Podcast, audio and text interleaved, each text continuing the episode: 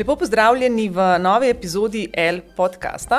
Ta bo danes obarvan zelo trajnostno, zato uh, moja gostja gotovo ni skrivnost, saj ne za tiste, ki jih trajnost zanima za odtenek več kot zgolj gospodinsko ločevanje odpadkov. Pozdravljam mojo nekdanjo stanovsko kolegico Ja, živijo. Niko Veger. Uh, živijo. Nika Veger velja za eno najbolj trajnostno naravnanih slovenskih vplivnic, blogerk, javna oseba je, ki o različnih trajnostnih uh, praksah ozavešča tako mlade sledilce, kot tudi tiste starejše, predvsem na področju uh, Slovenije. In da greva takoj, takoj na začetku. Nika, kaj trajnostnega si danes že postorila, oziroma kako trajnostno si vstala in se odpravila na tale najmen pogovor? Uh, v bistvu uh, moram povedati, da jutra niso moja stvar, tako da ostanem tik preden je treba. Uh, ja, moram pač pelati otroka v šolo. Um, ne vem, pač ta jutranja higiena, to je to. Um, pa naredila sem eno objavico uh -huh. na Instagram, v bistvu prihaja noč čarovnic in ker takrat tisti, ki to praznujejo, veliko v bistvu kupujejo neke plastike, nepotrebnih stvari. Um, sem dala vprašanje na Instagram, če jih zanima, kako ustvariti neko tako bolj trajnostno zabavo. Pač čisto nekaj. In kako jo? Um, naprimer, v bistvu iz stvari, ki jih imamo že doma, lahko vedno naredimo nekaj ali buče, ali nekaj z duhci, ali kako koli. Pač ta okrasitev je lahko nekaj, kar porecikliramo, kar ne kupujemo, ali pa nekaj, kar privlečemo iz narave. Ne vem, konfeti, recimo, ali pa baloni, zdaj se baloni grozno popularni za okrasitev, temu bi bilo fajn, če se malo izogib- izogibamo. Konfeti so lahko narejeni, ne vem, iz uh, listja. Tako, uh -huh. pač take stvari, potem kako naredimo mogoče kaj za jesti, kakšne prigrizke, take, da vključujemo um, pač to meso iz bučka, smo ga izrezali ven. Aha, zdaj da ne, prav, da ne vržemo Ja, stran tako, teh ja, uh, ja. stvari. Pač, da se z nekimi malenkostnimi stvarmi pač ukvarjamo, um, mislim, da to bolj trajnostno speljemo. No. v bistvu je Tako. bilo zelo trajnostno jutro tega. je bilo Kar... ja, no. to je tako, uh, en tak razmislek, um, pač teme, ki jo bom pr pripravila še. Uh, če se vrnemo k tvojim začetkom. Ne? Bila si lepotna urednica Kozmopolitana, uh, kasneje si potem začela z svojim blogom, Beautiful Blog, uh -huh. ki je bil na začetku o- obarvan zelo. Lepotno, ne, Ja, seveda. obravnavala si kozmetične izdelke. Kaj je bilo tisto stikalo, ki je Niko odpeljalo objem trajnosti? Veš, da v bistvu najprej sem mislila, da je bilo to um, pač rojstvo drugega otroka, oziroma že prvega. Že pri prvem začneš malo razmišljati, oj, ne vem, če bi glih, ne vem, kopel bila najbolj dišeča kopel, kar jo uh -huh. dobiš na trgu, mogoče bolj, če je nekaj zelo naravnega, tako, pač neke take čistmejhne stvari. Spomnim se, da sem takrat uh, zelo iskala še pri rojstvu Malje, pri prvi hčeri. Um, kako bi v Ljubljani, ker nisem imela vrta, niti detkov, babic, niti nobenih sorodnikov, ki bi to imeli, prišla do neke ekološke zelenjave. Um, take stvari sem mal začela v bistvu na ta način razmišljati. Ampak pol sem pa gledala zadnjič um, svoj kozmo arhiv in sem ugotovila, da so me zelo že zanimali te neki teksti o naravni kozmetiki uh -huh. ali pa neki triki, kako lahko nekaj narediš iz, um, iz naravnih stvari. Um, sicer nisem pristaš tega, da doma kar sam mešaš neke kreme, pa jih pol mogoče tudi prodajaš, pa daš prijateljcem. Uh, zdi se mi, da mora iti na kožo res nekaj preverjenega. Uh, in uh, ja, danes je ponudba teh trajnostnih naravnih izdelkov res tudi tako napredovala, uh -huh. da včasih smo mogoče neko stvar kupili, zato ker smo bili pristaši trajnosti, pa smo dali druge stvari, naprimer senzorične občutke ali pa embalažo, ker na drugo, tretje, četrto mesto to nas ni zanimalo. ne. Danes pa v bistvu ti lahko zbereš kozmetiko, ki je zelo učinkovita, ne vem, ima super senzorične lastnosti, je lepa. Hkrati pa je tudi trajnostna, tako da ni treba več delati nekih kompromisov. Uh -huh. No, in tako vidim, da, v bistvu, da me je to verjetno že skozi malo bolj zanimalo, kot, uh, kot sem mislila, ali pa kot sem na začetku opažala. Ne. Potem pa, ko enkrat začneš, je pa to neka taka pozitivna vijačnica, ki se začne obračati in obračati, in skozi bolj v bistvu te to zanima na področjih, ki te motijo. Naprimer, ko ugotavljaš, da ko priješ iz trgovine, preneseš domov več embalaže kot produktov. ne. Ali pa mogoče kolučuješ, ne? Ja, jaz, jaz, jaz ne morem verjeti, da to moraš spremeniti. v koliko enih stvari so zdaj zapakirane. Ko, recimo, ko sem bila jaz mlajša, ne vem, jaz, ko smo šla v trgovino, je bilo, ne vem, en papir je bilo zavito, zdaj pa ne vem, pa tista Ja. folija, pa un, pa umestni listki, pa uno, pa tretje, Ja. pa še. Tako da ne vem, mi napolnimo tisto kanto, ki jo imamo. embalaže. Ne, Ja, verjetno, je največ nas embalaže. tudi, Um, tako da potem pa v bistvu mene to začne osebno motiti, pa pa začnem iz tega raziskovati. Um, ja, in pa najdem pot, kako lahko to zmanjšam. Ob nekem normalnem vsakdanu, bom rekla. No, pač jaz nisem ekstremist uh -huh. še, uh, ampak ja, to te vleče. Hkrati pa želim v bistvu pritegniti tudi tiste, ki mogoče šele začenjajo in uh -huh. dajem neke napotke, ki so tako res majhni koraki, ki uh -huh. ni težko narediti spremembe. Uh -huh. Kaj tako čist po domače, tvoja definicija trajnosti? Kako bi ti, recimo, da priješ v šolo in rabiš eh, to razložiti povedati enemu, ja, enemu od- otrokom. Ja. recimo. To pomeni, da jaz živim tako, da bo nekdo, ki bo prišel za mano, ali so to moji otroci, ne, ali pa še njihovi otroci, lahko tudi dokaj normalno živel, brez da bi mu jaz vse stvari že porabila, a ne vire. Um, ne vem, da bom, da bom ta planet pustila z nekim zelo močnim vtisom odpadkov, plastike, predvsem. Tako pač, da živim mogoče za te razmere malo bolj skromno življenje, uh -huh. kot ga pa živimo, predvsem, um, da se izognem temu potrošništvu, ki je vlada, um, in z nekim razmislekom v bistvu sprejemam naravno in to vključujem v svoj vsakdan. No, pač, da, da živim tako, ne na račun drugih generacij, ampak um, probam s tistim, kar imam zdaj na voljo, brez da puščam za sabo to uh, ekološki odtis v tem smislu, da je ta negativen. A pa bi lahko pa rekla, da živiš polno, trajnostno življenje? Ne, sploh ne. Um, jaz sem bila tudi lani ful šokirana, ker sem naredila ta um, svoj ekološki odtis v bistvu. Ker zdaj so že obstajajo aplikacije, kjer lahko na približen, uh -huh. seveda, to zračunaš. Tudi glede na to, kje živiš, um, ali si v mestu, ali si v Sloveniji, ali si verjetno v kakšni drugi državi.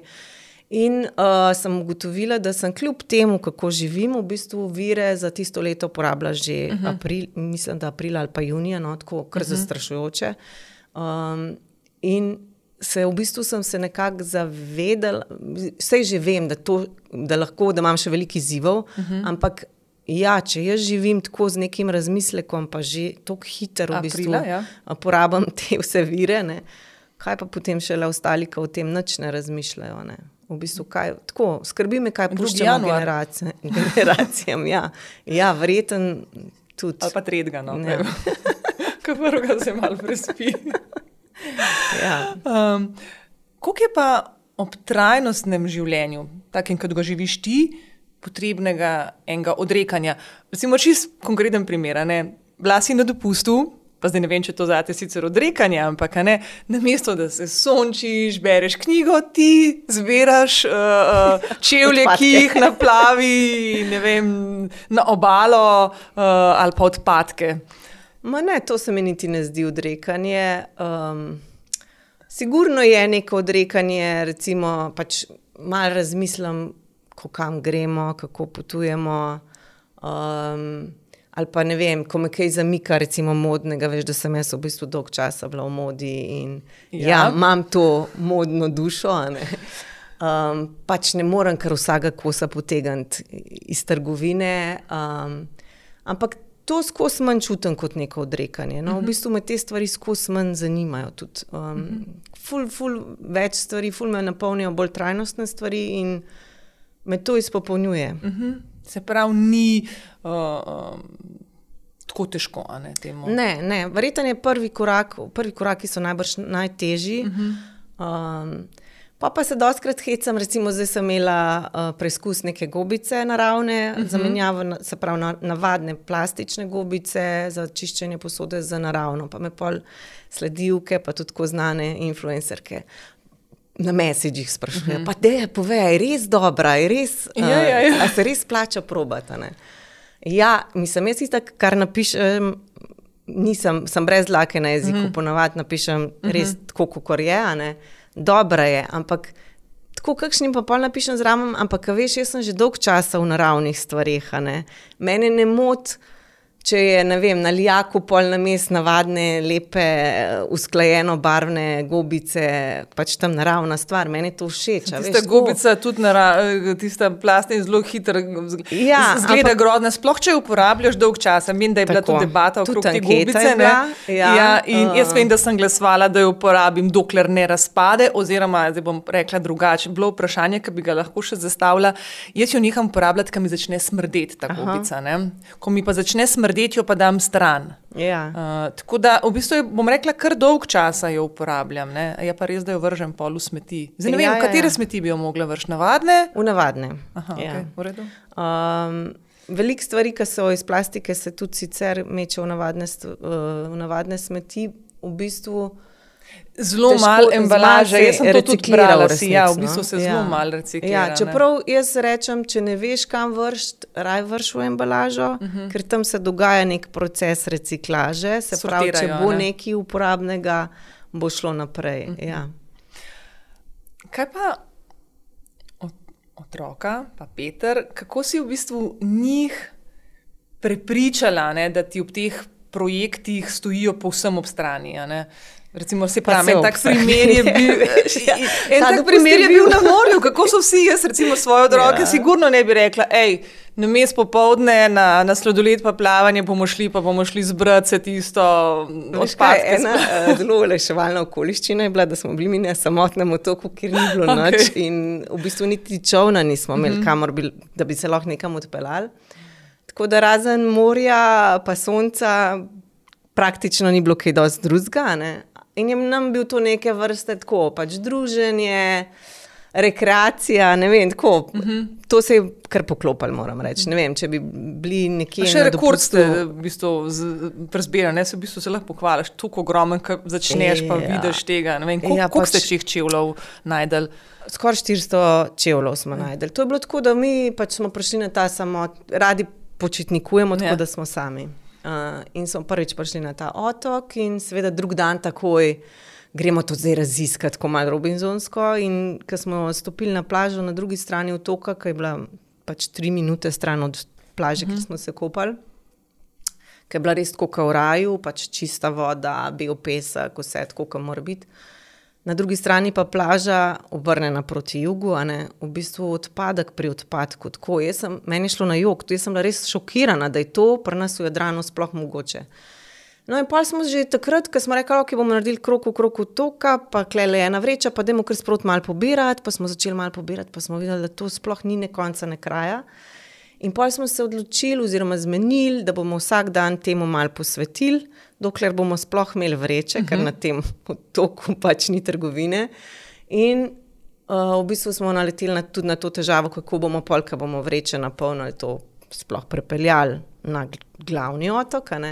Tako da smo imeli po poti še nekaj izzivov, ja, ampak to je bilo kar tako malce, sam, mislim, samoumevno. Pač pomagali so mi kakšen dan, pa tudi ne. Vse jim pač ni ljubila, ampak jih nisem niti hotela s tem preveč obremenjevati. Um, Bela je pač dost mehna, pa gre še povsod z mano, pa tam tudi iz odpadkov ona hitro najde kaj, kar se lahko uporabi, še, da se kaj igra. pa tako. Najstnica Amalija je pač pomagala, kaj imele dneve, kaj lahko, kaj se je dal, ali pa če je pa rajš brala knjigo, pa tudi nisem rekla, da vsak dan pa to uh -huh. moraš. Tako, v bistvu dost neprisiljeno. No. Uh -huh. Ampak pa na koncu, ko smo tiste vreče tam zbirali, pa ko smo v bistvu prepričali koga, da jih je odnesel s čovnom na otok, pa to so bili vsi veseli, so se vsi veselili, da nam je skupaj to uspelo, no? da smo lahko del otoka očistili. ne. Tam za nami je seveda še ostalo fulenih odpadkov, zato ker mi nismo imeli niti dovolj vreč, da bi vse to noter stlačali.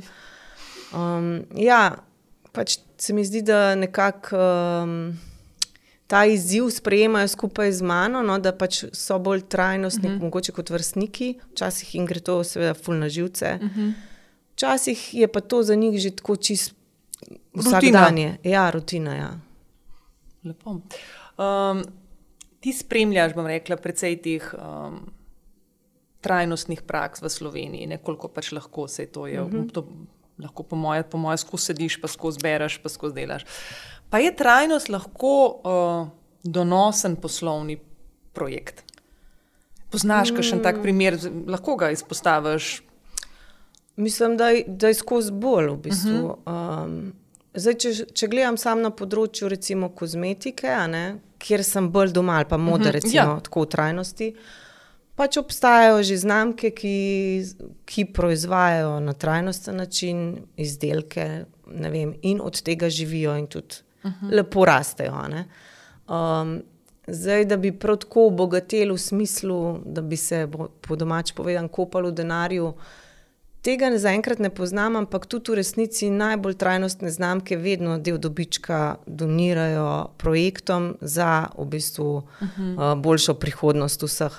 Tako da um, pol so pa tudi posamezniki, recimo tako kot jaz, ki živimo od tega, ali pa neka Lahko društva. živiš, lahko živiš. Ja, jaz v bistvu pač to je moj bloganje, je moj uh -huh. poklic. Um, uh -huh. Tako da ja. V redu, dobro. Um, Spravi, koristna.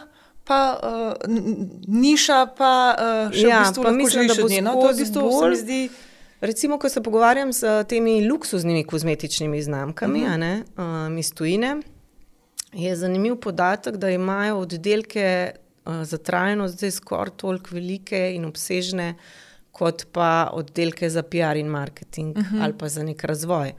Um, to je, ne vem, recimo po 150 strokovnjakov v enem oddelku za trajnost neke kozmetične ali pa tudi uh, modne blagovne znamke.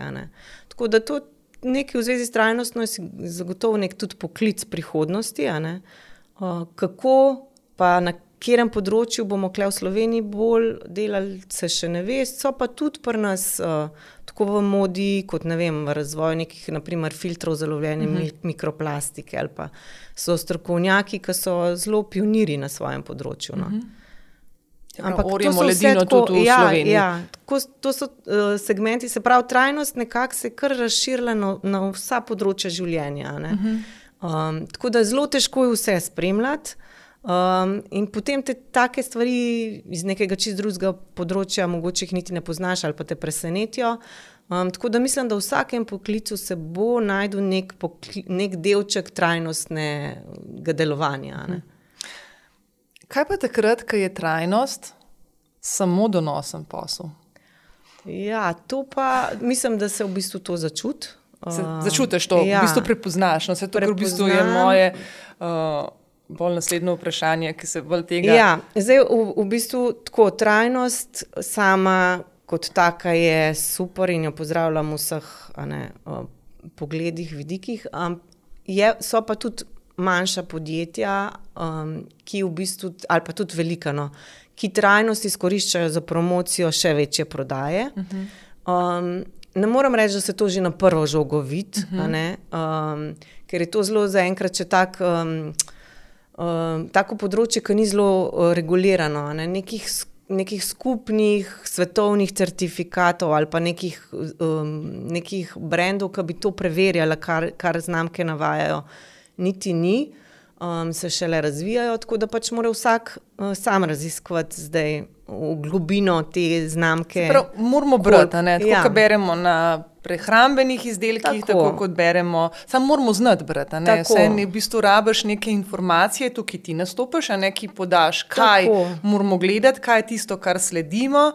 Um, In potem, da nam je lažje, v bistvu, mogoče kar tej znamki, ki smo jo preverili, verjamemo in ne gledamo tako naprej. Ne, v bistvu to lovljenje izdelkov, novih, um, ne vem, modernih, to je malo tako skregan s trajnostjo, ker pol moraš skozi gledati nove in nove in nove znamke in izdelke, če so, ali niso, zato pa praktično nimamo časa. Zato je trajnost tudi malo ustrajanje dolg, z dolgotrajnimi um, odnosi do znamk, bom rekla. No, tako.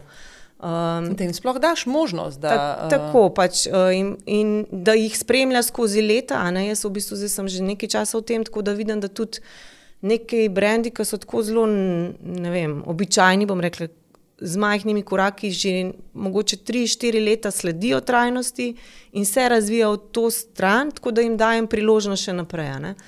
Um, ja, hotela sem pa še reči, da potem pa v bistvu na drugi strani je pa velike greenwashinga, velike pa tudi v bistvu izgovorov. Um, ja, pa se to vse skupaj samo en greenwashing in tako trajnost, to je kar neki. Raj bom še kar naprej se obnašal, kot se obnašam, pa je to dober izgovor za to, da ne naredim spremembe. Ne. To me skoraj še bolj moti, kot pa uh -huh. uh, to, da se mogoče enkrat zmotiš, pa, ali pa parkrat zmotiš, pa nasedeš znamkam, ki niso tako trajnostne, kot se promovirajo, da so. Um, to, da pač iščeš neke izgovore, da tega ne poskusiš, ne narediš, da se ne potrudiš. Uh -huh. um, Rekla si že, da si pač brez lake jezika, na jeziku. Um, kaj pa recimo v primeru, ne, da se nek trajnosten izdelek izključno z uporabniške strani izkaže slabši kot nek uh, um, netrajnosten izdelek? Kaj narediš v tem primeru? No, v bistvu tako najprej, kako sploh ti sodelovanja, a ne pa meni. Mm, potekajo. Ne, pa, mogoče ja, recimo tukaj, da poveš, kako je pri sodelovanjih, ali pa recimo tako, če či sama, v bistvu na svojo roko, Aha. recimo primerjaš. Um... Mislim, sigurno je lahko, tako je, v bistvu zato za širšo sliko. Ne? Ja. Ko neka znamka prestop k meni, v bistvu uh, od vseh znamk zahtevam nek sustainability report. Se pravi, da oni potegnejo ven analize in plane, kaj, kaj v bistvu uh mhm. -huh. delajo na področju trajnosti. In pol se na podlagi tega odločam, ali sploh s to znamko sodelujem ali ne. Um, se pravi, že po teh reportih jaz vidim, ali so oni trajnostni, ali je to samo en izdelek, ki bi ga v okviru vseh drugih pač radi pušnili, promovirali in gre samo za nek zelo, zelo, zelo, zelo mečkan delček, ki je obarvan okolju bolj prijazno. Uh, Potem pa, um, potem pa v bistvu to raziščem konkreten izdelek, ga preskusam, začnem uporabljati in največkrat ga uporabljam kar nekaj časa, preden napišem uh -huh. uh, o njem neko oceno ali pa preden ga priporočim. Ne. Se pa vse lahko zgodi, da ne, nek izdelek mi je super, ga uporabljam, ampak kasneje v praksi se izkaže, da ni tako zelo praktičen. Uh -huh. Um, no, se pravi, uporabniška, ja. on z vidika trajnosti že zadosti. Tako, ali pa da ni tako zelo praktičen za mene, celo. Uh mhm. -huh. ne, ne, ne in potem v bistvu napišem te izdelke, ki jih jaz promoviram, v glavnem to so izdelki, ki jih potem tudi kasneje večkrat objavim. Uh mhm. -huh. Napišem nove uporabniške izkušnje, napišem tudi, da je nekaj novega na, na tem področju, kar je boljše ali pa ne vem, izkazali se je, da to pa po tolkem in tolkem času sploh ni ok. Pač tako. Uh -huh. uh, ampak to je vse zelo. V bistvu tako, bom rekla, pristno, naravno, tako da tudi uh, sledilci razumejo, da je um, pot k trajnosti tako malo časih, zaviješ v kakšno slepo ulico, pa se moraš vrniti, pa potem nadaljuješ naprej. Ne. Jaz tudi zmeraj rečem, ni važen prvi korak, važen je drugi korak, kaj boš iz tega naredil. Uh mhm. -huh. Se pravi, tudi če bi nekaj izdelek zdaj fulno eh, hvalila in priporočala, in bi se kasneje izkazali, da pač mogoče ni tako dober, ali pa da se je. Um, Mogoče tudi pri, ko ta izdelek postane odpadek, mhm. izkazali, uh -huh. da ima pa zelo velik, uh, velik ekološki odtis, pač na to upozorimo. Uh -huh. Sej trajnost kot taka, ali pa tudi znamke se razvijajo in smo vsi na začetku, tako da vsi iščemo boljše in boljše rešitve. Ja, ker, kot si že omenila, najbolj te razjezi, da ja, je to samo en greenwashing. Ja, ja. In na to, na to sem te hotela zastaviti vprašanje. Um, da imam včasih občutek, da se usporedno z temi ljudmi, ki, ali pa aktivisti, ali pa gibanji, ki promovirajo trajnost, ne, uh, organizirajo kot neke v bistvu antitrajnostna uh, gibanja, ki se v bistvu osno, uh, naslanjajo v glavnem na to, ne, da so se pač nekatere trajnostne rešitve na koncu vsem izkazale, da so Ne toliko trajnostne, ne toliko trajnostne ali pa recimo celo, bom rekla, zelo obremenjujoče za ja, okolje, ja. naprimer reciklaža papirja ali pa recimo ja. uh, sončne panele. Vse super, vse fajn, ampak po 14 letih, ko je življenjska doba, kam bomo to zakopali, noter v zemljo, to je. Ja, ampak v bistvu... to je naraven razvoj. Ne? Mi, če ja. tega ne bi probali, ne bi v bistvu najdel druge rešitve. Uh mhm. -huh. Tako da to je pač. Uh... Se pravi, zdaj morajo ljudje v osnovi delati na tem, kaj bojo naredili z vsemi, recimo, temi. Uh, Tako, rešitev za sončne, sončne panele, ko bojo pač odslužile svojemu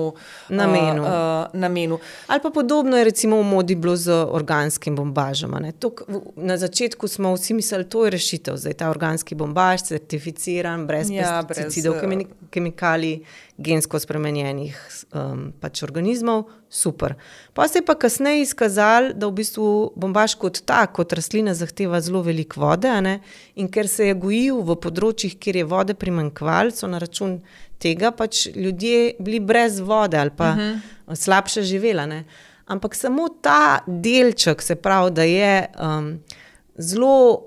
Um, Consuming, sem hotel reči, da je zelo potrošen glede vode, je veliko uh, ljudi do te mere obremenili, da so rekli, da je to trajnost, to je kar mhm. neki. Um, zdaj smo šli še na slabši, nismo šli, pač ta bombaž se bo gojil še naprej, v nekih drugih pogojih mogoče.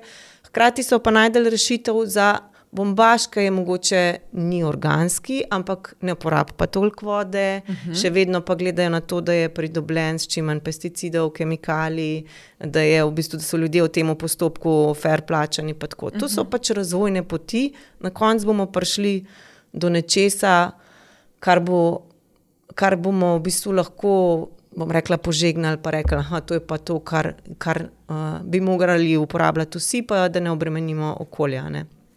In dajati pozornost, hkrati okrog tega se pa potem iščejo tudi rešitve, naprimer, super je konopla, super je lana. Uh mhm. -huh. V bistvu se pa tem industrijam pol tudi Mogoče da, več, da več pozornosti, pa se lažje razvijajo. Kateri vidiki trajnosti so za te najpomembnejši?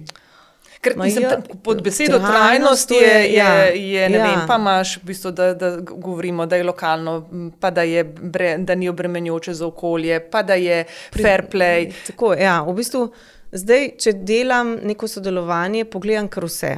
Um, uh -huh. pač od tega, kje so viri pridobljeni, na kakšen način, kako so upleteni ljudje v ta proces, živali, um, kako je v bistvu s transportom. Um, potem ne vem, kako je s kemikalijami, s temi stvarmi, ki so obremenjujoče uh -huh. že v sami proizvodnji, do tega, kako se izdelek uporablja in kakšen odpad nastaja. Uh -huh. um, in pa najbrž tudi, kakšen je dobrobit za te, ne konc Tako pa tudi v bistvu velikrat se trajnost gleda tudi iz vidika, uh, kdo je lastnik podjetja, uh -huh. ne, mhm. ki to proizvaja in na kakšen način on vpliva na splošno v družbi. Ne. Uh mhm. -huh. Ne vem, tudi ali vpliva na politike, ki bi lahko prinesle boljšo pot trajnosti, ali sodeluje z nekimi organizacijami. Tako na ta način, to naredim na tak kar. Uh -huh. um, Presek v bistvu celega, um, cel, celega vseh stebrov trajnosti. Um, potem, tako, če pa v bistvu izuzamem samo eno stvar, pa da rečem, ok, danes bom pa se posvetila eni znamki, ki je lokalna, ki naravno deluje, pa je manjša. Ne? Pa to tudi izpostavim, v bistvu nekako uh, probam v celoten kontekst. Data, Tako da um, ne, bom rekla, tudi, tudi neke znamke hitre mode sem že. Um, skenirala, uh mhm. -huh. ampak ker imajo nekaj dobrih praks in je škoda, da vse kar skupaj, vse znamke hitre mode, potlačimo v isti koš. Ker so tudi tam zdaj zelo velike razlike. Ne? Nekateri delajo korake in sodelujejo z organizacijami za boljši razvoj mode, nekatere pa pač noče. Ne? Um, ampak to na koncu vseeno umestim v nek tak celoten aspekt. Ne? Ali je šlo pri tem, ne vem, enemu čevlju, ki sem ga pro, propagirala, naprimer samo za recikliran material, uh -huh. uh, ali je šlo tukaj res za razvoj neke, neke blagovne znamke v okviru te, recimo, znamke, ki se bo zdaj ukvarjala s trajnostjo. Tako pač probam, nek, um, da je na koncu bralcu jasno, da okay, to je samo delček. Ta brend mogoče že sledi dolg časa trajnosti, ampak še ni popolnoma traj, trajnosten. Uh -huh pa do, do tega, da reče, da je to znamka, ki je res lahko zaupam, bom odslej pač um, gledala, kaj potrebujem in takrat se spomnim na njih.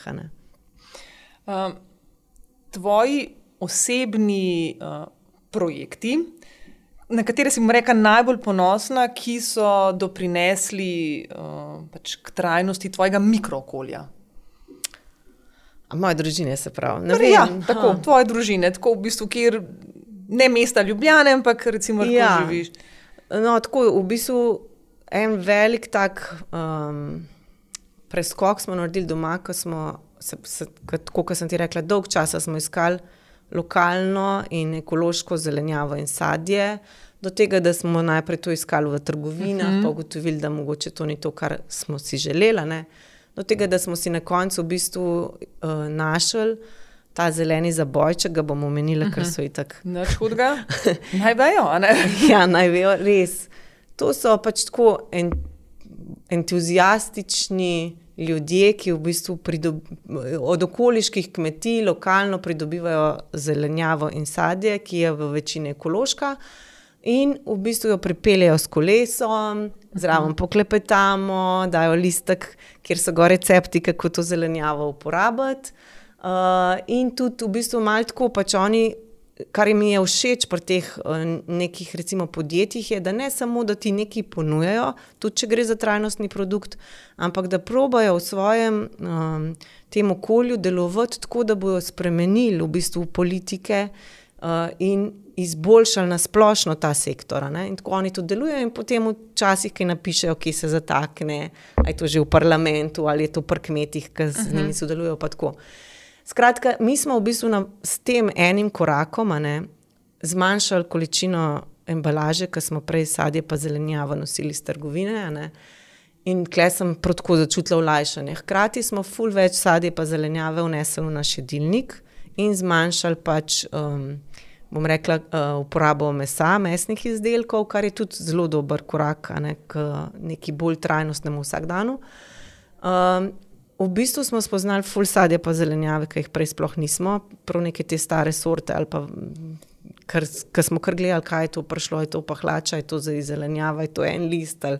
In potem malo pogooglamo in kuhamo zelo raznoliko zdaj tako. Um, to je bil en tak um, moj projekt, družinski. Se da to sploh še dobiti, sej ne vem, kdo pa sploh še hrani ta, bom rekla, zdaj ta semena, te, te, te sadike, ker Ja, to je tudi baje težava. Jaz to nisem v bistvu. Hrana, pa trajnost, ni, ne vstopam tako veliko, ker je to mhm. tudi en zelo ogromen segment. Pač v tem smislu ne vstopam, da bi ta področje zelo raziskovala. Uh -huh. Vem pa, da so težave pri tem, da, um, da so semena v bistvu niso več te stare sorte, čeprav hranimo, ne je banka semen, kjer se to uh mhm. -huh. hrani, ampak industrija. Mm, forsira neka semena, mogoče tudi gensko spremenjena, pa to, ki so seveda bolj donosna, sploh za posameznike oziroma mm. posamezna podjetja.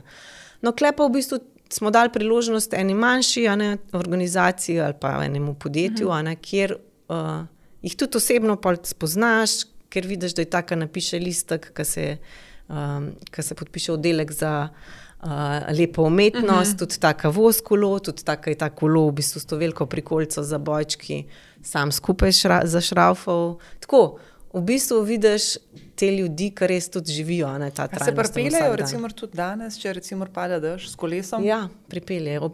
Mi jih imamo ob četrtkih in Aha. v vsakem vremenu tudi v snegu pač pridejo. Uh, v taki škatli kartonasti prenesejo vse stvari ti škatlo vzameš in drug teden to škatlo vrneš, Aha. pa dobiš novo škatlo. Tako s čim manj embalaže, se pravi, če je kaj v stekleni embalaži, ki jo to, uh mhm. -huh. tudi pol vračaš. Take stvari, ali pa to, da pač um, da probam um, puncem. Privzgojiti to ali pa dopovedati, da ni treba, da so vse stvari, ki jih uporabljamo, nove, uh -huh. da mhm. zelo veliko stvari dobimo pač uh mhm. -huh. rabljenih, ali si jih sposodimo, ali z njih pol nekaj še ustvarimo. Pač to se mi zdi. In da one dve pol tudi tako razmišljata. Naprimer, včeraj, um, bom samo to povedala, uh, imamo ene lučke, ki so pač bile nekaj časa zelo moderne in mi smo uh mhm. -huh. si takrat v hiši to jih vzeli in uh, osvetlili. In potem um, včeraj Bela zaranžira en kotiček v stanovanju, ki ga imamo, in te, v te lučke, v bistvu, ki so oranžne barve, da neke vejce in so nastale bučke. Uh mhm. -huh. Tako, v bistvu, da vidim, da že sama razmišlja iz česa, kar imam doma, lahko zdaj nekaj naredim lepega. Ne, da mi reče, da imamo, zdaj bojo pa ne vem, noč čarovnice. Gremo, gremo, gremo pogledati zdaj v eno od trgovin, kaj na to temo lahko kupimo. Tako. Ali pa recimo, tako, pri nas je bilo vedno to, pa ne vem, če smo sicer izhajali iz trajnosti, ampak ker se mi je zdelo grozen, ne, recimo kupovanje, konkreten primer, koles otrokom, ne, mm -hmm. ker jih pač preraste, pa je mehen kolo, pa polun kolo, pa s takim obsegom, ne, uh, zračnice. In mi smo to vedno stara kolesa kupovali, ker to so tako hitro, te otroci to prerastali. In ker smo vedno kupovali ta kolesa, stara, ker jih je vedno nekdo parpelal tam, pa smo pa tako. Nikoli nismo imeli potrebe, joj, rabim nov kolo. Glavno, da ja. kolo pele. Ja, ja, ja. pri nas tudi, recimo, sploh ta mala, se mi zdi, da je, je verjetno bolj intenzivno v tem rasla. Uh, zdaj so ugotovili, pač, da rabi bundo. Uh, namenoma sem se izognila besedi nova. Uh -huh. Tako probam se tudi doma izogniti. Uh -huh. Rečem, bela bunda ti je premehna, potrebuješ, ne bundo. Pa je rekla, ja, super, sam ne novo, mami. Uh -huh. Tako mi že sama v bistvu spodbudi. Da, ne vem, ali pogledamo second hand, ali pokličem prijatelje, če ima kjer kaj premajhnega. Um, se pravi, malo že razmišlja na ta način. Zdaj, verjete od uh, starejše sestre, tudi kaj sta? Ja, ona vse, v bistvu vse uh, želi nositi od nekoga drugega, ker je to tudi nekaj pomena. Ne? Neka zgodba. Ne, ja, ja, pa tudi tako, verjetno so te cune malo nošene, pa so bolj vem, praktične ali tako.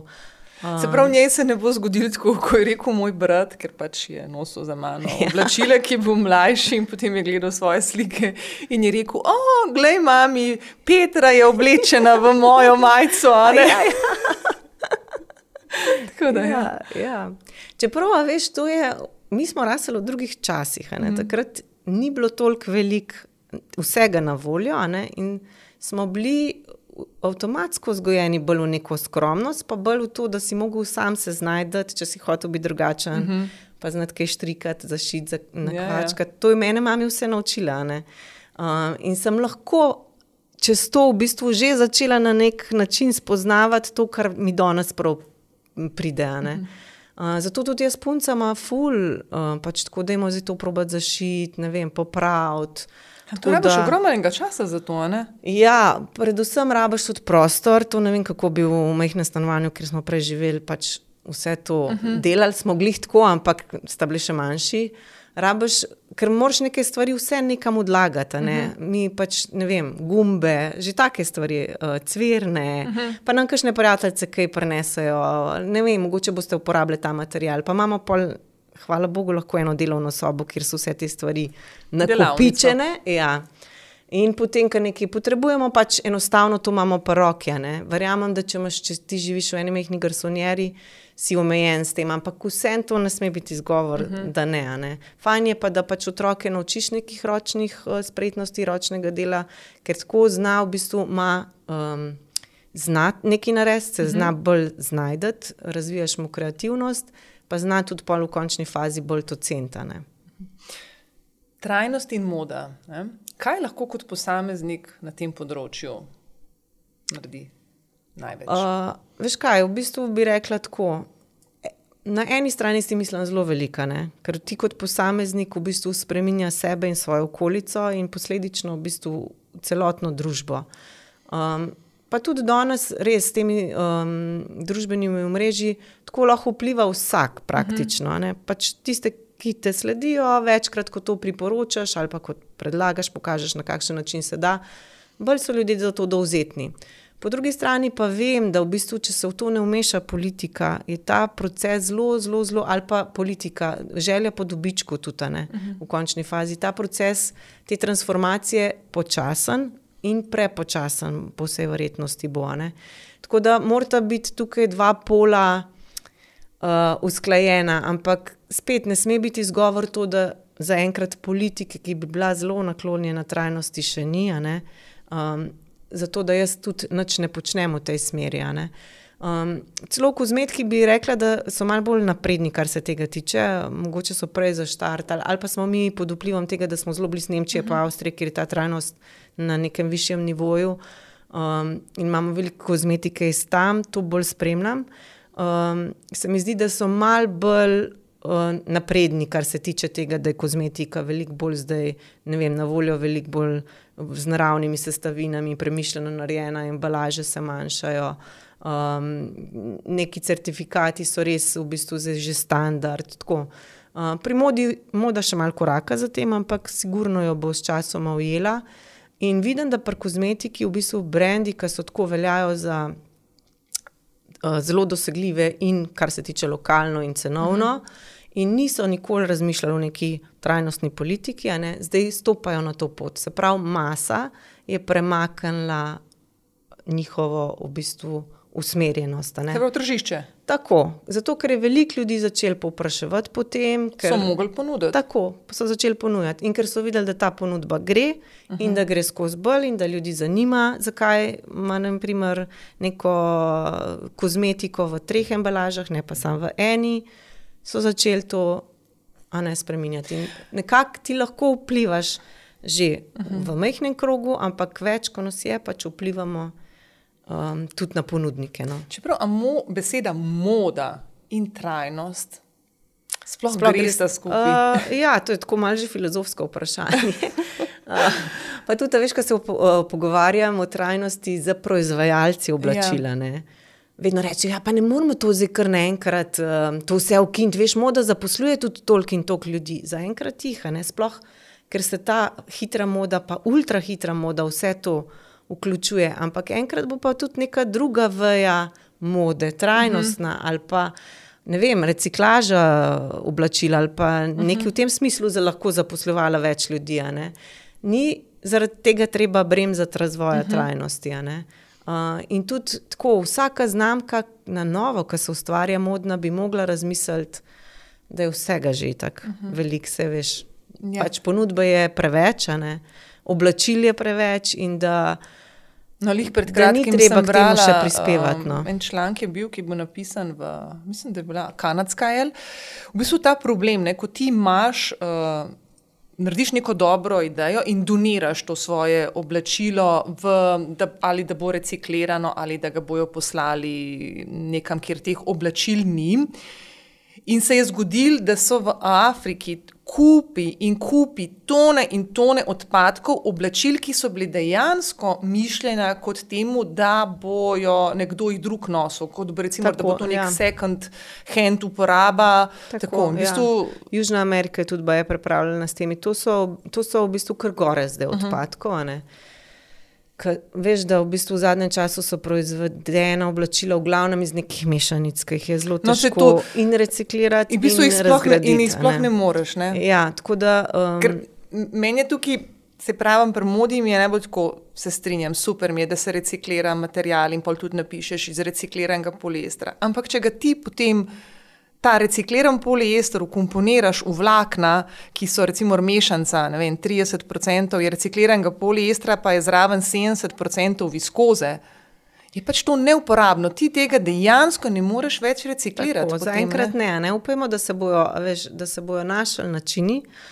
Um, A, jaz ne razumem, zakaj ne bi bilo 100%, vsej 100% Tako, je potem poliester. Jaz nimam nič narobe, če je 100% poliester.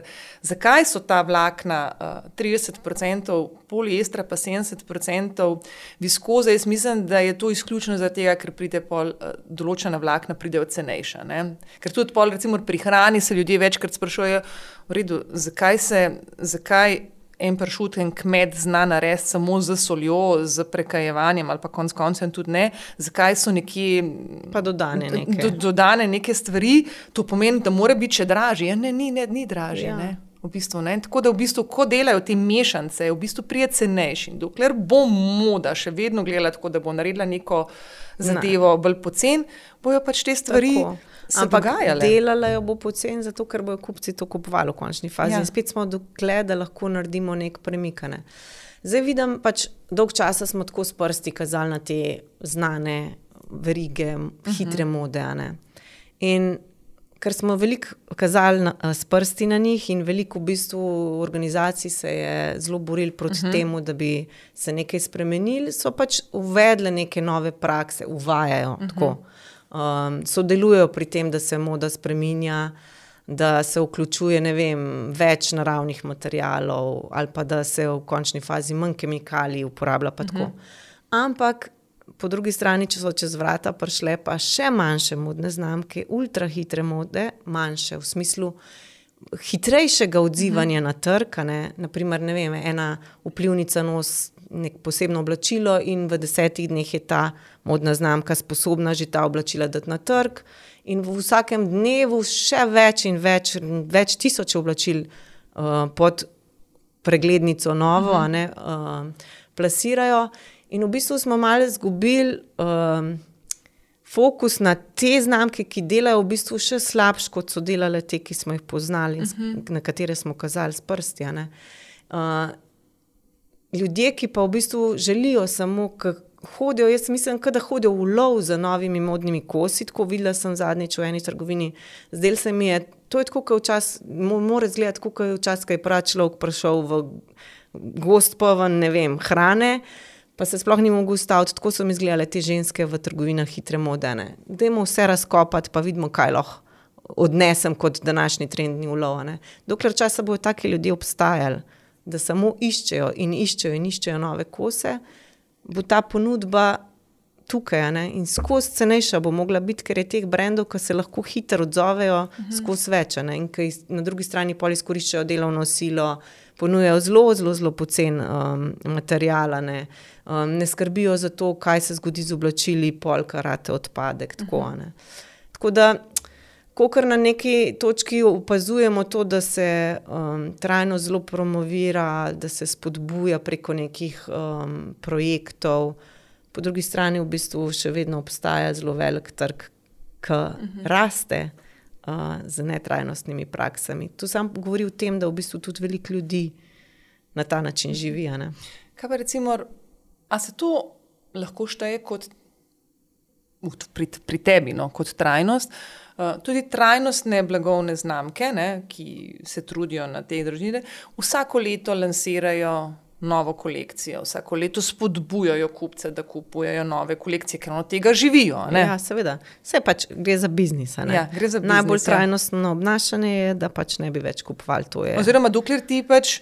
Oblačilo služi, dokler Tako. je lepo za videti, se ne pravim, da ga moraš nositi do te mere, da hodiš že na pol razsapan, da vse visi z tebe. Ampak, ampak uh, neka črna jakna, ne? konkreten primer, suknič, lahko ga nosiš tudi deset let. Ja, tudi več. Če, in, in z tega je v bistvu je trajnosten. Kljub temu, mogoče, da ni narejen bil iz trajnostnih materijalov. materijalov ja. ampak, Se tudi v vintage čopih je veliko poliestra, če tako mhm. pogledamo, uh -huh. no? pa so to stara oblačila. Ja. Uh, ampak ja, v bistvu bi se mogli vsi malo zabremzati v tem potrošništvu, predvsem v modi. No, se, se uh, govorim tukaj izključno o lepoti porabiš ki ga ni več, ga ja, pač ni več. Ampak vse najbolj trajnostne znamke, pa lepoti, ki jih opazujem že nekaj vrsto let, zelo malo stvari lansirajo na leto. Tako da v bistvu včasih, ki jih slediš. Če rečeš, jo, kdaj bojo imeli kaj novega, ker ima, seveda, uh -huh. da mhm. ženske imamo to neko nečimrnost v sebi, da si želimo vsaj videti kaj novega. Pa vidiš, da ni, pa je skozi isto, pa mogoče samo zmanjšajo količino embalaže ali pa dajo nek bolj naraven von, uh -huh. pa kakšno sestavino ven pa si kar malo tako, jo, pa da imamo še malo bolj trend, da nov izdelek uh mhm. -huh. zdaj ne lansirati. Se mi zdi včasih, da še premalo lansirajo, ampak ja, to je to trajnostno obnašanje. Um, ni treba v bistvu pozornost zbujati s tem, da pač nove in nove in nove izdelke ven lansiraš, ampak trajnostne znamke bolj s tem, da v bistvu se držijo tistega, kar proizvajajo dobro. -huh. to želijo še izboljšati. Pa res, ko, se, mogoče, ko, že, ko lahko trgu ponudijo neko boljšo rešitev, kot jo trg že ima, uh -huh. pač da takrat ponudijo nekaj novega.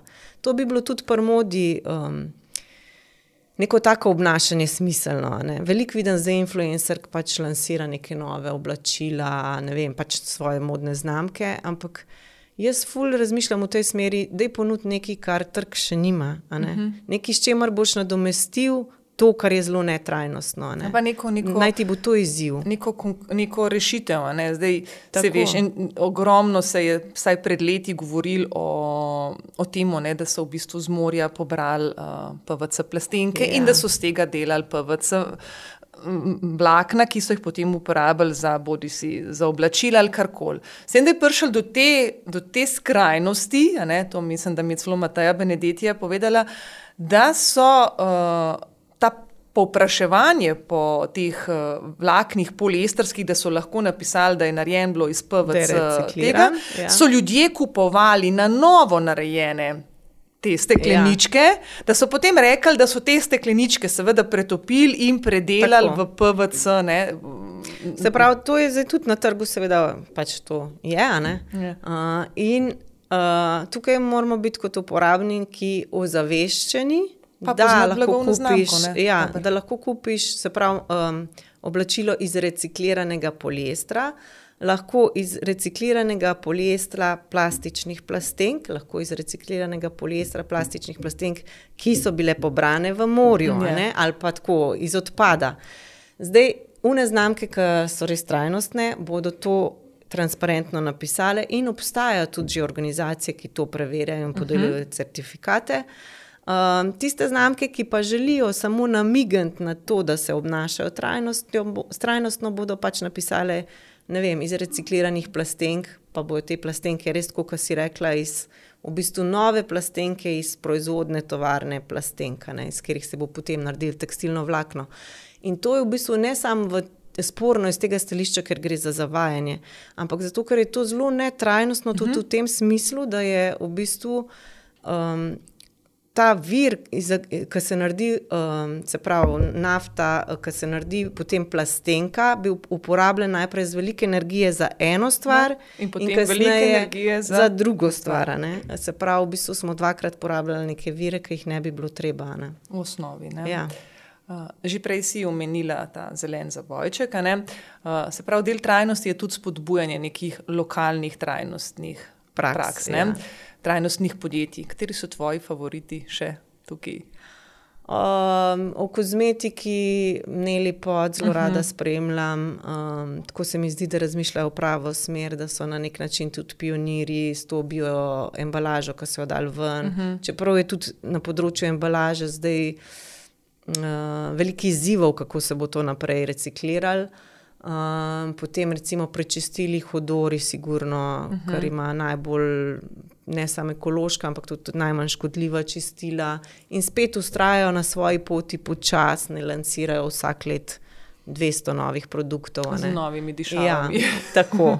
Um, kaj bi še rekla? Benedetti, sigurno pri modi. Um, Velike tudi enih, ali pa ne vem, tudi v končni fazi smet umet, pač kot neka organizacija, ki se uh mhm. -huh. ukvarja z trajnostnimi pristopi, nasploh tudi reciklira, naprimer, cerade tovornjakov, pa potem iz tega dela torbice. torbice ja. Tako se mi zdi, da je veliko, veliko v Sloveniji nekih manjših podjetij, ki jih lahko podpremo brez skrbi. Um, Hkrati pa v bistvu nas je ta korona malo takrat zavedla, da je vse, kar je lokalno, tudi trajnostno. Uh mhm. Moramo pa tudi to ločiti, da to pa tudi ni čist resane.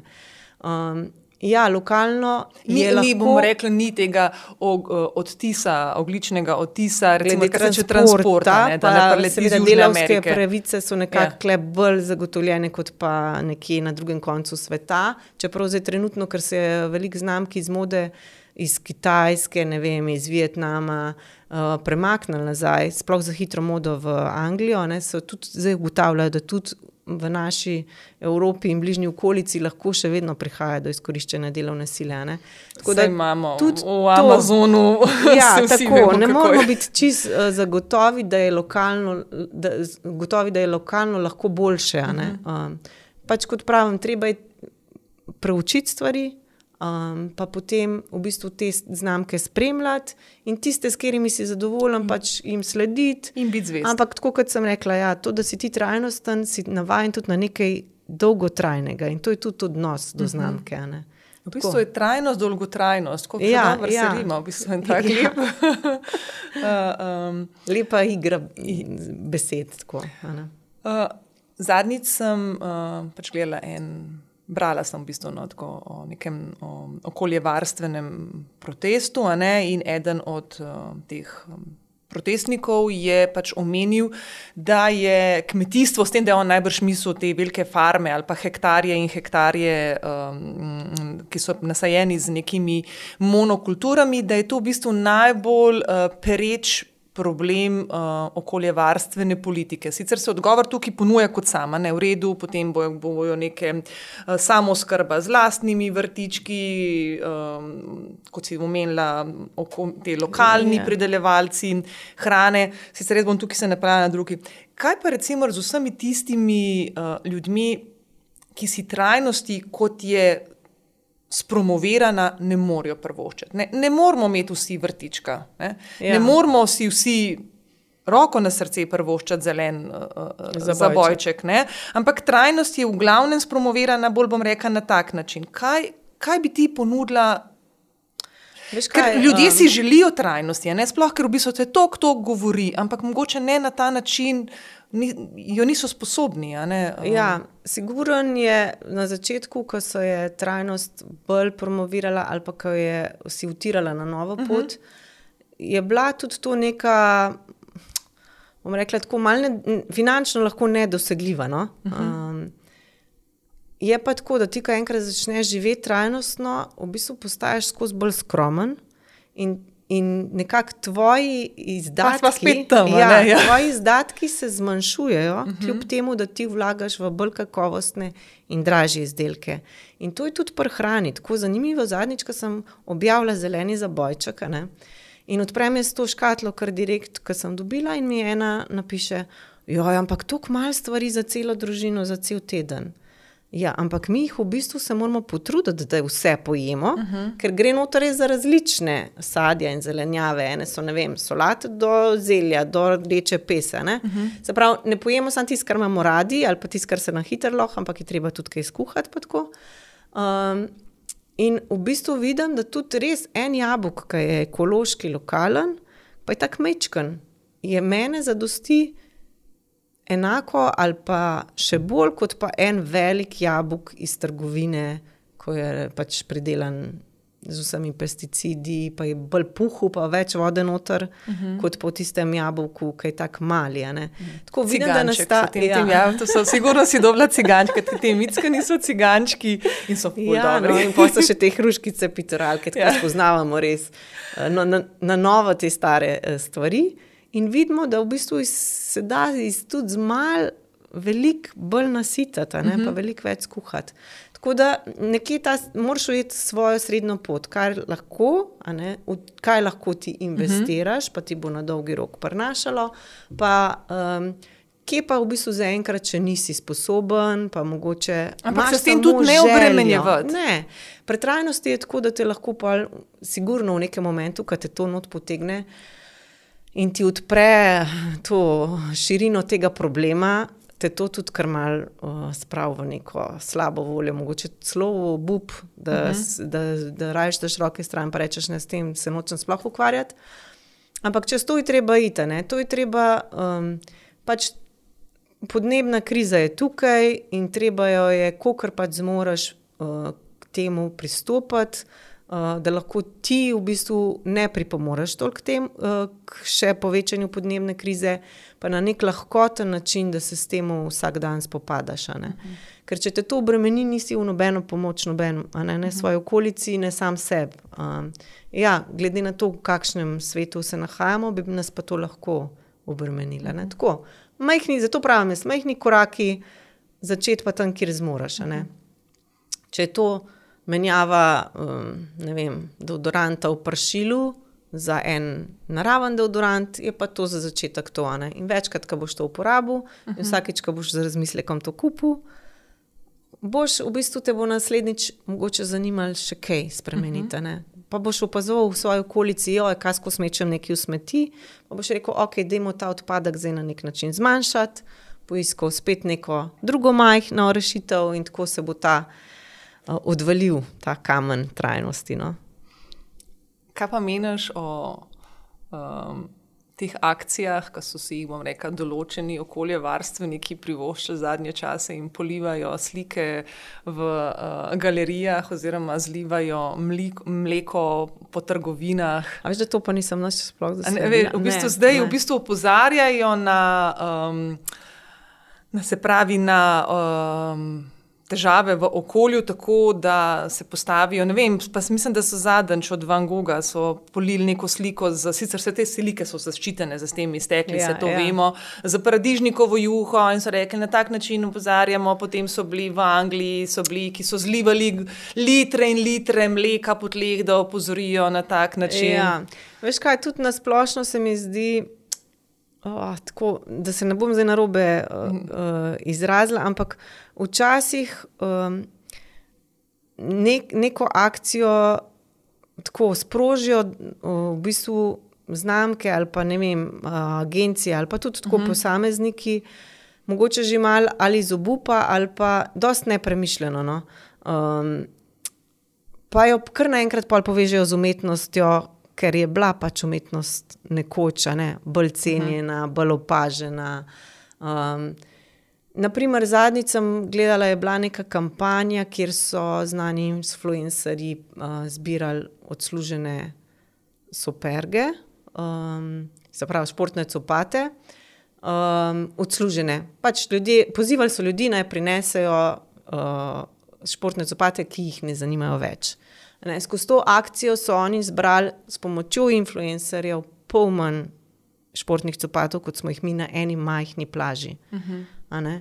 Obesili so jo pa zraven, v bistvu iz tega so potem nekaj recikliranega naredili, obesili k neki, neki organizaciji, ki se ukvarja z reciklažo stvari. Veš, tako, preveč se mi zdi, je vsega nakopičenega za nek cilj, ki pa sploh ni dosežen, ali pa sploh ni trajnosten. No. Mhm. V bistvu samo za neko promocijo. Gre ne? za promocijo. Ja. Se tako v bistvu veliko krat piše, da, v bistvu, da gre za samo promocijo, da v bistvu gre za dejanje posameznikov, ki so željni neke pozornosti, tako. ki jo ne dobijo. Ne? Da ja, ali pa, pa ni dosežen. Krik obupanosti, ki pa ni v bistvu ni na prav način uh, speljana. Uh -huh. um, mislim, da se v bistvu umetnost lahko zelo lepo vključuje v trajnost, če je to narejeno z nekim razmislekom. Ja, um, se strinjam. Ampak če pa to kar tako, pač mal nek krik, um, ja, pa najbrž nima tudi nekega dolgotrajnega poločinka. Ne? Ja, mislim, prej kontra. Spet, ja. spet se bojo spet neka se antitrajnostna gibanja, ki bojo rekli, lej, kaj počnejo te norci. Ja, uh, zalivajo slike s paradižnikovo juho, namesto da bi. Vem, tako je otroci v Afriki, so palačni, tako, ali pa doma, pa pol, pa sosednji vasi. Pa pol potegnejo še, ja. še, še, še, še druge težave, ki izhajajo. Ja. Um, recimo, to je pa spet, veš, zdrava pamet ne, človeka. Tako ja. se mi zdi. Ne vem, tista no, kmečka logika, ki ja. ti nekaj prebereš. Ne? Da ne vseh teh informacij, ki so pa zraven nakopičene, še za to, da je antipropaganda. A, a, da ne to, da se ne usede zdaj vate spet mhm. -huh. v taki meri, da rečeš, ma ja, se to je vse za v isti koš. Ja, ja. Tako, premalo znamo se mi zdi brati, uh. -huh. pa premalo razmišljati z vlastno glavo. To, to je fajn, če bi se tudi um, vrnila ali pa potoma učila. Če smo pri pr kmečki pameti. V bistvu je človek je bitje, ki je nagnjen, da se nagiba k nekim zdravim praksam. Čist konkreten primer. Ne? Zakaj se jaz vozim v službo še z nekom? V osnovi, ker je cenej. Ja. Zakaj uh, bom pojedla jabolk iz svojega uh, vrta in ne unga, ne vem, ki je zrastel na unihita nasadih v Italiji, zato ker je bolj okusen. Zakaj 800% bombaž? Zato ker mi je uh, bolj udoben. Zakaj ne odpeljem hladilnika, ki se pokvari v tem le prvo grapo v gozdu? Zato ker mi je lažje poklicati ali pa na internetu reči, ne vem, odpeljte mi ga, ker sem tudi. Mi enkrat na leto pripada to. Ja. Zakaj, uh, ne vem, čevelj, ki se mi pokvari, oziroma mi poč gumica, ne pustim na plaži, ker mi je nerodno. Ne? Zdaj pa mlade non-stop, to bom pač peljanje. Uh, zakaj ne bi mladi te. Uh, izkušnje dobili ravno na področju tega, ne, v bistvu dobre prakse. V bistvu vse, on sam vidi, če poje en tak, kot sem rekla, primer jabolk, da je boljši od unga. Ja. On sam vidi, da se v bombažu počuti boljš kot v neki, bom rekla. Jaz mislim, da gre kar nekaj za tako malo mogoče zgodovinsko transakcijo. Veš, dolg časa so ljudje pač zelo res mogli skromno sploh se za preživetje boriti. Pol so pa v neki fazi, recimo naši starši, so pa kar naenkrat iz leta v leto lahko imeli več, si več prvoščili in so bili generacije že željne tega. Uh -huh. Zdaj pa spet prihaja do tega, da potomci, se pravi mi, v bistvu niti se ne želimo več toliko. Jaz ne, ne želim imeti pet avtomobilov, ker lahko svojo rit dam samo v enega naenkrat. Zakaj bi imela pet v garaži? To mi nič ne pomeni. Rajš bom investirala v neko. Ne vem, bolj trajnostno, v trajnostni prevoz ali pa neki. Tako v smislu, Mislim, da so to kar neki razvoj generacij, ki uh -huh. se mhm. dogajajo in ta, ta je zdaj zelo v bistvu kratek. Uh -huh. Mi v mhm. trajnosti se pogovarjamo. Se pravi, jaz, ko sem začela blog devet let nazaj, so bili to tako, mogoče malo neki naravno, eko, pa še uh -huh. to bolj na področju hrane, kozmetike, drugega niti ne. ne. Zdaj, v devetih letih se pravi, se pa to skozi bolj intenzivno od, odvija. In seveda, nekako ta vsak dan še ni prilagojen temu. Ne? Ne vem, generacije mojih staršev, mogoče so še malo skromni, pošteni, ampak ne znajo pa čist dobro pogledati tega iz vidika trajnosti, medtem ko mi že lažje. Uh -huh. Te generacije, ki jih zdaj vzgajamo, bodo polka bo enkrat zrele osebe, upam. To imele že tako, dosta samoumevno vse. Uh -huh. Zaenkrat so pa verjetno tudi v neki fazi raziskovanja vsega, tega, kar so prejšnje generacije lahko imele, kar jim pač tržišče ponuja, da bi morale imeti. Um, ne vem, tega, kar vidijo po vplivnežih, da je fajn, če imaš v nekem takem miksu, so, iz katerega jih moramo pač povleči, Povleč, da bo šlo v pravo smer. Se pravi, tudi ni dobro, da jim, um, ker veliko krat sem pol tudi brala, ne, v bistvu gre tako. Ne, Da je planet tak, ste krivi vi, ta stari, ja, vi ste ja. zafurali. Ne? V bistvu gre pa to samo neko v bistvu zganje nekega sovraštva, v bistvu niso za ni, pač, ja. Kaj so naši to starši? To je vzgoj, ja, veš, ja, ko ja. vedno vzgajaš z, na, z najboljšo voljo, ne? z ja. ljubeznijo. Ja na koncu pa vedno pride, pač, ok, pride v redu, ampak pride tudi napake zraven. Isto je s tem odnosom do planeta, se mi zdi. Um, zdaj pač. Nihče ker, ni to namenoma počel, tako, ne, kot si rekel. Ja. Naši starši so pač vse to, da smo mi te stvari imeli, so delali izključno iz tega, da bi v bistvu generacije, česar nimajo. In ja. mi, kar počnemo zdaj, te z vidika trajnosti, da bi omogočili našim potomcem ne, naprej to, kar mislimo, da kar bomo mislili. Prav ni nihče počel namenoma. Tako, vsaj kot posamezniki, ne, uh, je pa zagotovo zdaj odziv. Politike in teh glavnih proizvajalcev, ali pa ne vem, tudi pri, pri, v industriji fosilnih goriv, ali pa uh mhm. -huh. tega, ker strokovnjaki upozarjajo, da je pač skrajna točka premika. Uh -huh. um, prepočasen. Tam, pa, tam se pa zdaj kaže, da je namenoma, da je v, um, pač v vlogi kapitala še vedno ustrajajo pri stvarih, za katere se kaže, da so škodljive. No, um, ja. To v bistvu je, je na nek to, način. Ja. Mm, ampak to kot posameznik ne moreš. Ne, ne moreš, ja. to ne, ne, ne bo. Se, mislim, Veš, ker tudi pol, kot, ko pogledam, ne, tudi pol kot rešitev, ki je pač kot alternative, ki so um, ponujene, ne, v bistvu, vsaj za enkrat, ne. Niso to ni, uh, mikavne. Niso in, mikavne in tudi ja. v bistvu spet po drugi strani, kot smo rekli, ni da nimajo uh, nobenega vpliva. Se vemo, kaj se dogaja s temi baterijami, saj na kitajskem pri teh električnih avtomobilih, to je ogromen, ogromen problem, potem se ne piše. Ne, ja.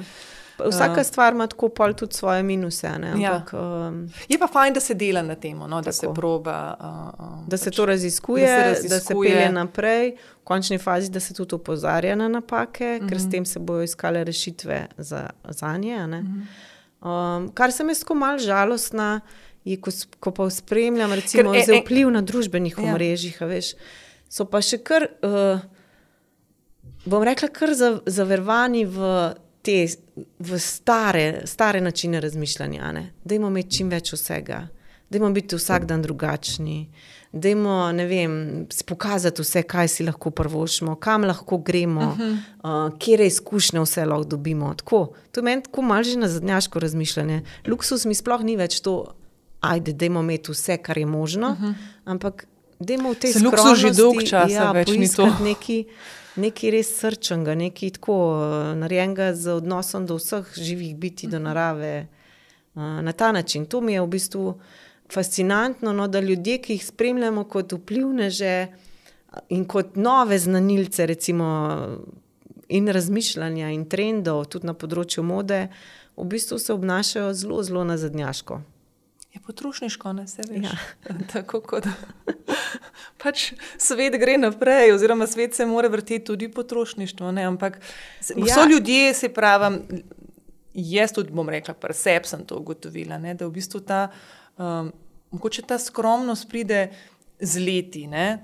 In Sigurno, v bistvu, ja. prej, ko pride, prej lahko ti to um, pač začneš um, razlagati mlajšim generacijam in, pri, in jim pokazati, da ni nič narobe. Tako da je v bistvu lahko zelo fino, da lahko je celo boljš kot ne vem. Mhm. Seveda, ker ni tudi ni tako obremenjujoče, da Ja. ja. ti moraš imeti toliko stvari in tudi, da jih imaš. Se veš, če imaš toliko velikih stvari, moraš tudi za njih skrbeti. a ne. Pa imeti prostor, Pa moraš jih nekam pa spraviti, pa se ukvarjati z njimi. a ne, ukvarjati. tako, ne. pol To s časoma vidiš. No, ampak hotela sem reči, pa, da še v bistvu usporedno s tem potrošništvom, ne, um, pa se razvija tudi potrošništvo v trajnosti. ne. Uh, ka, na kar moramo biti tudi pozorni, lahko nas pač tudi tja zanese. a ne. Pa moramo to malo uh, ozavestiti in si postaviti ogledalo in reči, okay, tudi to ni v redu. Se pravi, kar zdaj spremljamo prek družbenih omrežij ali pa tudi tako vsak dan, ko gremo po ulici ali pa v trgovine, je, da so ti trajnostni produkti kakovostni, lepi, novi. Um, čudoviti in da bi jih imeli, in bi jih imeli veliko, in bi jih imeli vsak dan druge, tudi, ne? ne pač navadne, ampak trajnostne. In kar naenkrat se nam zdi, da vse, kar imamo doma, lahko da ni več ok, pač vse plastične stvari bi pometali stran, pa jih zamenjali s temi lepimi lesenimi ali pa z nekih naravnih materialov. Tako, tudi to ni trajnostno obnašanje. a ne. Tudi tukaj bravo. se moramo temu se moramo tudi upreti. Se pravi, da tisto, kar imamo doma, probamo izrabiti do konca in poiskati neko alternativo temu, kaj se bo še kasneje s temi izdelki dogajalo, ali pa jih reuporabiti, ali pa jih vsaj pravilno odložiti odpad. In potem, ko res nekaj potrebujemo, pač iskati te stvari v boljših trajnostnih ponudbah. Ne? ne pa da nas pol to zavede, ker zdaj pač že vidim, sploh v modi, a veš, je pač popularen. Da imaš take in take čevlje, ki so trajnostne, da imaš ne vem, neke znamke oblačil, in potem v bistvu nisi kaj dosti drugega naredil, kot da si sam potrošništvo iz običajnih znamk prestavil v trajnostne. a ne. To je dokaj netrajnostno obnašanje. Jaz, jaz, recimo, kar pa mene, bom rekla, moti pri tem, kar v bistvu bi se mi zdi, da bi bil res en velik korak trajnosti, pa ne govorimo tukaj, da je narejen iz trajnostnih materijalov, je ta podaljšan rok trajanja. Se ti spomniš, vem, da so včasih bili pralni stroj, zdaj sem se pač na pralni stroj, zdaj sem ga spomnila, ko smo ga mi imeli, da je delal pralni stroj lahko ja. Tudi 20 let, pa, pa kako je napredovala tehnologija. Ampak zdaj, da ti dobiš en izdelek, bodi si to gospodinski aparat ali pa konec koncev oblačilo. In eh, traja. Ampak traja, ne vem. 12 let je že, ne vem, starček pralni stroj, ki ti bo 12 let Ja. delal. Ne? Ja. Z, jaz mislim, da, je, da, To da je bi se tukaj mogli potruditi. um, uh, uh, Mislim, da je, da je bil to nekaj časa pač trend in način tega, da si čim več stvari lahko proizvajal, čim več kupcev dobival v svoje trgovine, in potem itak se nihče ni ukvarjal s tem, kam so pa ti aparati potem šli. Zdaj uh, mislim, da se pripravljajo zakoni, kjer bo neke minimalne roke uporabe. koliko so to te minimalne, pa bo pa pet Ker se let. bo to podaljšval. Sčasoma se bo to pač in tudi stvari, ki bojo prehitro odslužene, pač bo treba nekaj za njih plačati, da se bo lahko deponirale. in Tako. Um, tako da nekaj v zvezi s tem se dogaja. Uh, ja, ampak to je, to je v bistvu tudi materiali, so se vedno cenejši zbirali in cenejši in cenejši na račun tega, da pač se je več prodajalo. ne. Medtem ko včasih, ker se pač ni, ni bilo te možnosti sploh toliko kupovati, a ne, se je kupoval za več generacij. Ne. Jaz ne vem, pač kakšne stvari imam še zdaj danes Se vem, ja. Vilca je bila vilca, ne, ja. Ja. imaš lahko Tako. vem, sto let, ne, danes Tako. pa ne vem, kupiš eno vilco, ki sicer ima še neki gor, tisto pa odpade, pa se odlep. Pa... pa je vse narobe z njo že tako. Jaz tudi v bistvu tako, um, kdaj sem zelo opazila, da, da res težko zaidem v trgovine s hitro modo ali pa da me to res tako uh, Je, ko, ko si želiš eno oblačilo, naprimer, ne vem, potrebujem jopo, toplo jopo, svoj čas in denar bom namenil temu, da jo najdem. Nekaj, kar mi je všeč, kar bom dolg časa nosila, tako. ne. Um, in potem to pač jopo dobim, kupam in čez dva pranja, čez dve pranji, pač ta jopa ni več nosljiva. Ja. In ne samo, da sem izgubila denar, jaz sem izgubila tudi ta čas, ki sem ga vložila v to, da sem to jopo poiskala. In to energijo, v bistvu, jaz sem že naredila kljukico, se, se že posvečam drugim stvarem. Ne želim se več ukvarjati s tem, da spet potrebujem nekaj. Ne? Um, tako da to, to v bistvu me moti in mislim, da bo skozi več ljudi to začelo motiti, da bi želeli kupiti nekaj, kar bodo lahko uporabljali leta in leta. Ne. In so že brendi, ki se v bistvu tega zavedajo In delajo in že delajo na tem. Um, In v bistvu delajo s nekim razmislekom, materiali, kroji, ne vem, um, vse skupaj, da bo to nosljivo več generacij. Pač na ta način uh, razmišljajo, da s tem ne bodo izgubili kupcev, ker bodo prodali manj uh -huh. temu enemu kupcu, ampak bodo pridobili kupce, ker bodo prodali večjim kupcem to eno res kakovostno stvar. a ne. V redu. Nika, mi da smo pri koncu. A je že tako hitro? Ja, je hitro, ja, se zvem. Um, še pet na kratko vprašanj, jih pač zastavim čisto tako, nič ni veze, kot tisto, kar mi pr pride prvo na pamet. Ja, to, sem, Zakaj vedno nosim flaško vode? ne, ne bom te to vprašala, ker so na kratko, ti pa lahko piješ. Ne, res to me moti. Uh, ko pač ljudje, ne vem, ko grejo v kino, ko grejo na, v naravo, pa še vzamejo plastično, v zadnji bencinski, na zadnji bencinski postaji še kupijo, se pravi, plastiko, ki ima noter vodo. Meni me se to tudi zgodi, ko se vi Vem, vračam, če se kaj, dogaja. vračamo, vračam, vra, vračamo se z morja in že tako imam tiste kufre, ki jih imam in tako in pol imam, uh, jaz imam stekleničko, ne, ki je samo po sebi že ful težka. Ne, in pol že v, v, v svojo torbo, lastno torbo tlačem še uno in potem pravim, jo in vem, pa se jo bom klep pustila, pa bom uno.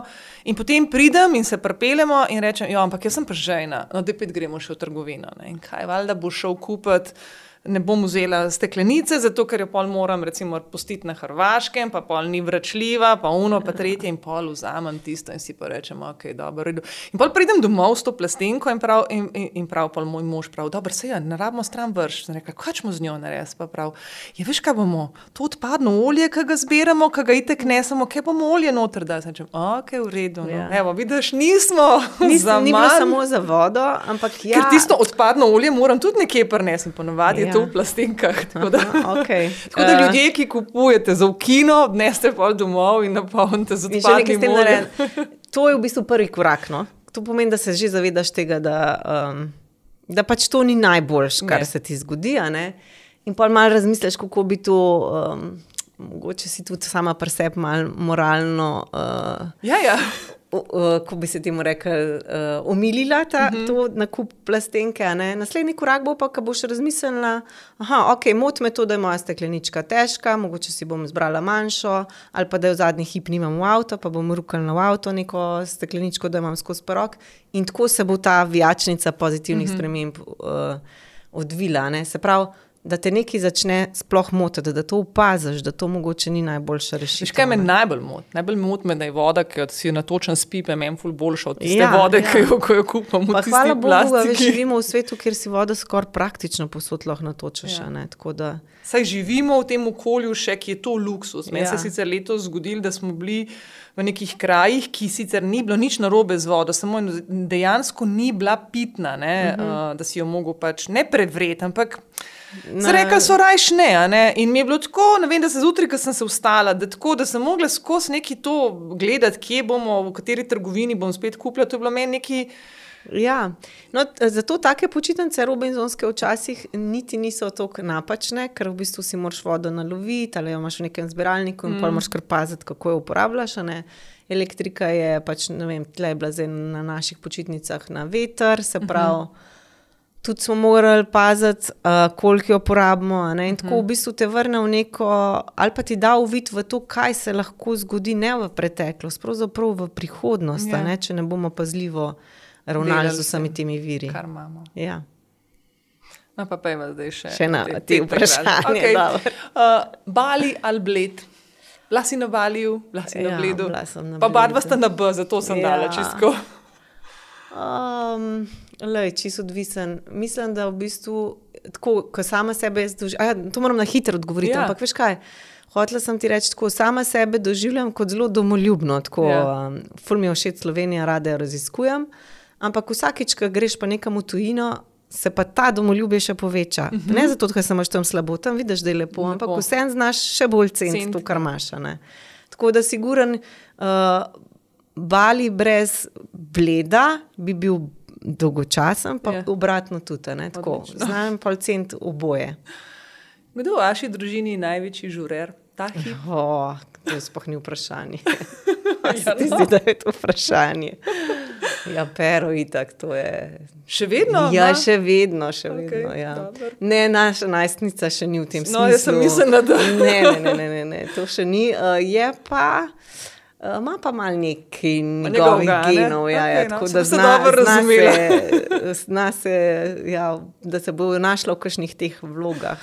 Odlično. Uh, iz ostankov v hladilniku najraje pripravljam Vse. Zanj sem bila um, kar malo jezna to povedati, ker je bil en intervju. Pri nas doma kuhamo samo iz ostankov. Je, je bil ja, naslov, ki je bil tako klikabilen. Ja, klikabilen. Hotela sem povedati, da v bistvu med, uh, sem človek, ki ne planiram nobenih stvari, uh mhm. -huh. prav velika. Ne? Razen zdaj v trajnosti, recimo, da rabim nove škorne, ok, se bom pozanimala, kaj, mhm. -huh. kje lahko zberem najboljše. V, ampak načeloma pa tako, skuhamo tisto, kar imamo. Uh, bolj, bolj smo, naša družina je bolj tako po sili navdiha ali pa po te razmerane. In takrat, ko imamo v hladilniku nekaj nujno za porabiti, ne, takrat v bistvu rata zelo zanimive jedi. Um, mi jih kličemo svaštare. Ja, tudi mi, ja, isto. Uh, kaj pogooglamo, pa naredimo, do zdaj v bistvu vedno bila, vsak mora razložiti. Ja, ampak samo ena stvar pa res ni bila dobra. To je, ko smo slab burek, v bistvu ga nismo pojedali in potem smo rekli, da bomo jutri nekaj iz njega naredili in smo iz tega slabega materiala, se pravi, drug dan hotel narediti nekaj boljšega in nam ni uspel. um, ja, no, sej, po izvirsko vodo se odpravim k. Imaš še? Uh, Ne, sem pa lani, smo bili pa v bistvu na izvirski vodi, grofovi vodi, uh mhm. -huh. ki, je, ki je v Sloveniji, izvir blizu uh, Tolmina. In naj bi bila energetsko zelo dobra voda, pač eh, zmerjena iz strani strokovnjakov. Tako da smo en izlet namenili temu, da smo šli prav uh, to vodo pogledati. Priporočam za tak družinski izlet, zelo uh mhm. -huh. nenaporen v gozdu. Uh, tam je v bistvu en izvir vode, tak, uh, krven preteče iz, iz take stene. Oziroma, ja. In so zraven tudi kozarčki, dobro, zdaj v koroni mm -hmm. pač to ni bilo praktično, ampak um, tam si natočeš in to popiješ, in naj bi v bistvu ti dal pač bolj zdravo ali pa energije polne vodo. Tako. Uh, tako da nas tudi to malo zanima, no, raziskovanje takih uh, kotičkov mm -hmm. v Sloveniji, ki so mogoče malo energetsko drugačni ali pa prastari, um, da so bili kakšne ostanki starih kultur ali pa kitajska. Še rada ličiš? Uh, v bistvu druge tako, tako, tako no, bom rekla. Mislim, da make postaja moja strast ali pa ustvarjanje nasploh, uh -huh. pa mhm. tudi moda. Um, in vedno bo. Um, zgleda, sem tako vizualno kreativen tip, um, tako ful rada pogledam še vedno novosti, um, tudi teh nekih luksuznih brendov ali Chanel, pa tako, kaj v bistvu so zdaj postavili na piedestal, kaj počnejo. Uh, in mi daje navdih, da v bistvu s tistim, kar imam sama doma, pač nekaj ustvarjam. Tako da, ja, so, so obdobja, ko se načne naličem, pač ličenje ni moja potreba, lahko grem kamorkoli brez make-upa, pa tudi brez maskare. Um, so pa obdobje, ki si ful rada vzamem. Če za to pa tako, kar poskušam kaj novega ali pa ne vem, zelo tudi kreativne stvari ustvarjam. No. Zdaj, zdaj ponovadi jih je pet, ampak jaz sem se zdaj spomnila še enega, še jaz ga trenirala, si ritmično gimnastiko. Ja. Da mi povej, koliko te pa motka so te ne, v bistvu mod. Si, jaz, recimo, tako to rada gledam te stvari, izključno zaradi teh čudovitih drevesov. A so ti drevesi lahko trajnostno narejeni ali niso, meni je to tako, ampak obožujem te drevese. Gledam pri drsanju, pa pa ritmične gimnastike. Ja, to so celi mali kostumi, ne, tako ja. uh, veliko ročnega dela, ja. to je že trajnostno. Okay, uh, veliko, veliko, um, se pravi, tudi. Živijo neka, uh mhm. -huh. neke, neke družine od tega. Ne? Je pa tako, lahko bi, po mojem, celo po, v današnjih časih se usmeril v proizvodno trajnostnega dresa. Da se dobi že, uh, se pravi, tilki organ, uh -huh, iz mhm, organskega no, bombaža. Uh, se pravi, to bi bilo lahko ta raztegljiv material, uh mhm. -huh. verjetno iz nekega recikliranega poliestra z dodatkom elastana, okay. um, ali pa tudi bombaž bi bil načeloma lahko noter. Uh, kamenčki kot taki pač težko, da so Ja. trajnostni. Uh, ampak ja, lahko bi z nekim recikliranjem, tudi bleščice se da uh Mhm. -huh. dobiti že v bistvu iz materijalov, ki so razgradljivi. Uh Mhm. -huh. Tako da, če bi se nekdo temu posvetil, bi se lahko. Bom pa rekel, da je ritmika bila tako moja prva strast in jaz mislim, da veliko stvari iz tam izvira, ker tam smo mogli biti pač zrihtani. uh, Naličeni kostumi, taki, da, da so bili in moderni, in se veš, impozantni. Mm -hmm. Neka estetika gibanja se je razvijala, nek odnos do glasbe, do umetnosti. Mm -hmm. Mislim, da veliko stvari v bistvu me je tam, mm, mi je dal neko osnovo za to, kar danes počnem. No. Super. Nika, hvala, ker Ja, si bila moja gostja. Te povabim še na kavo, ker se Ja. premakne. Prav je. Hvala. Z veseljem.